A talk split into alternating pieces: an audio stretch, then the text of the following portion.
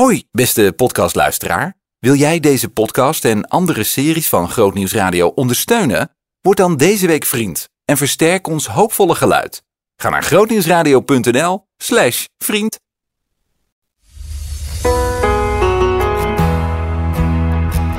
Lieve mensen, alle focus op het woord vrede deze morgen.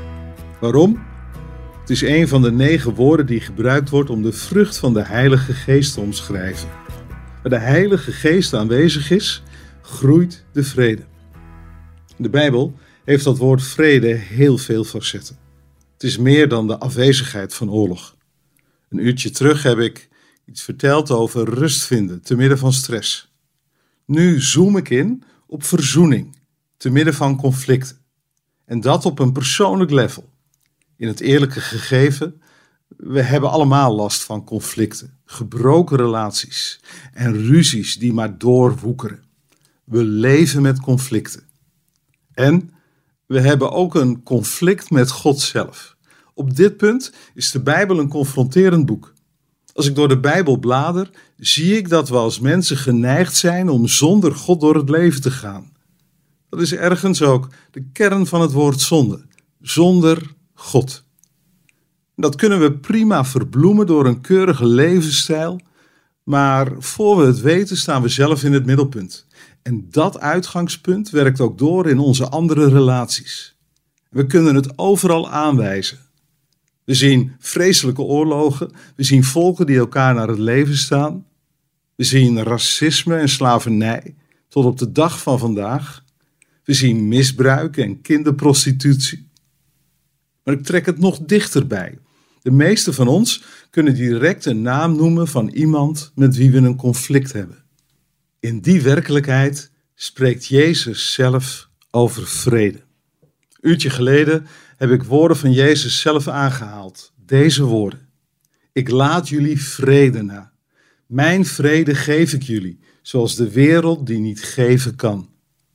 En ik wijs je nog een keer op het unieke moment waarop Jezus deze woorden uitspreekt. Hij staat op het punt om gearresteerd en gekruisigd te worden.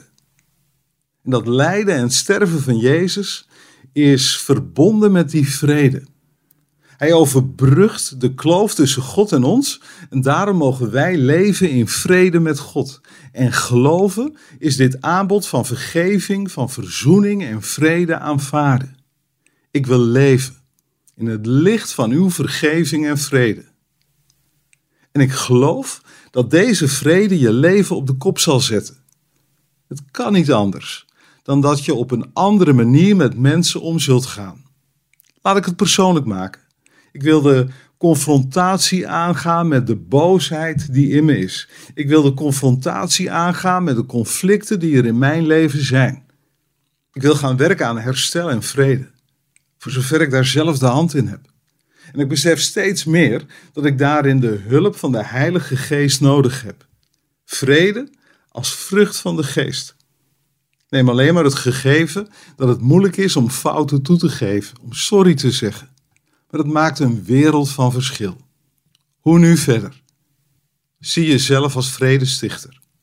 Als je in een situatie bent die spannend is, een conflict of een dreigend conflict, vraag je dan af: hoe kan ik op dit moment vredestichter zijn? En geloof in de belofte van Jezus. Gelukkig de vredestichters, want zij zullen kinderen van God genoemd worden. Hoe nu verder? Wees vergevingsgezind. Vrede heeft te maken met vergeving. We geloven dat Jezus aan een kruis gestorven is om ons met God te verzoenen.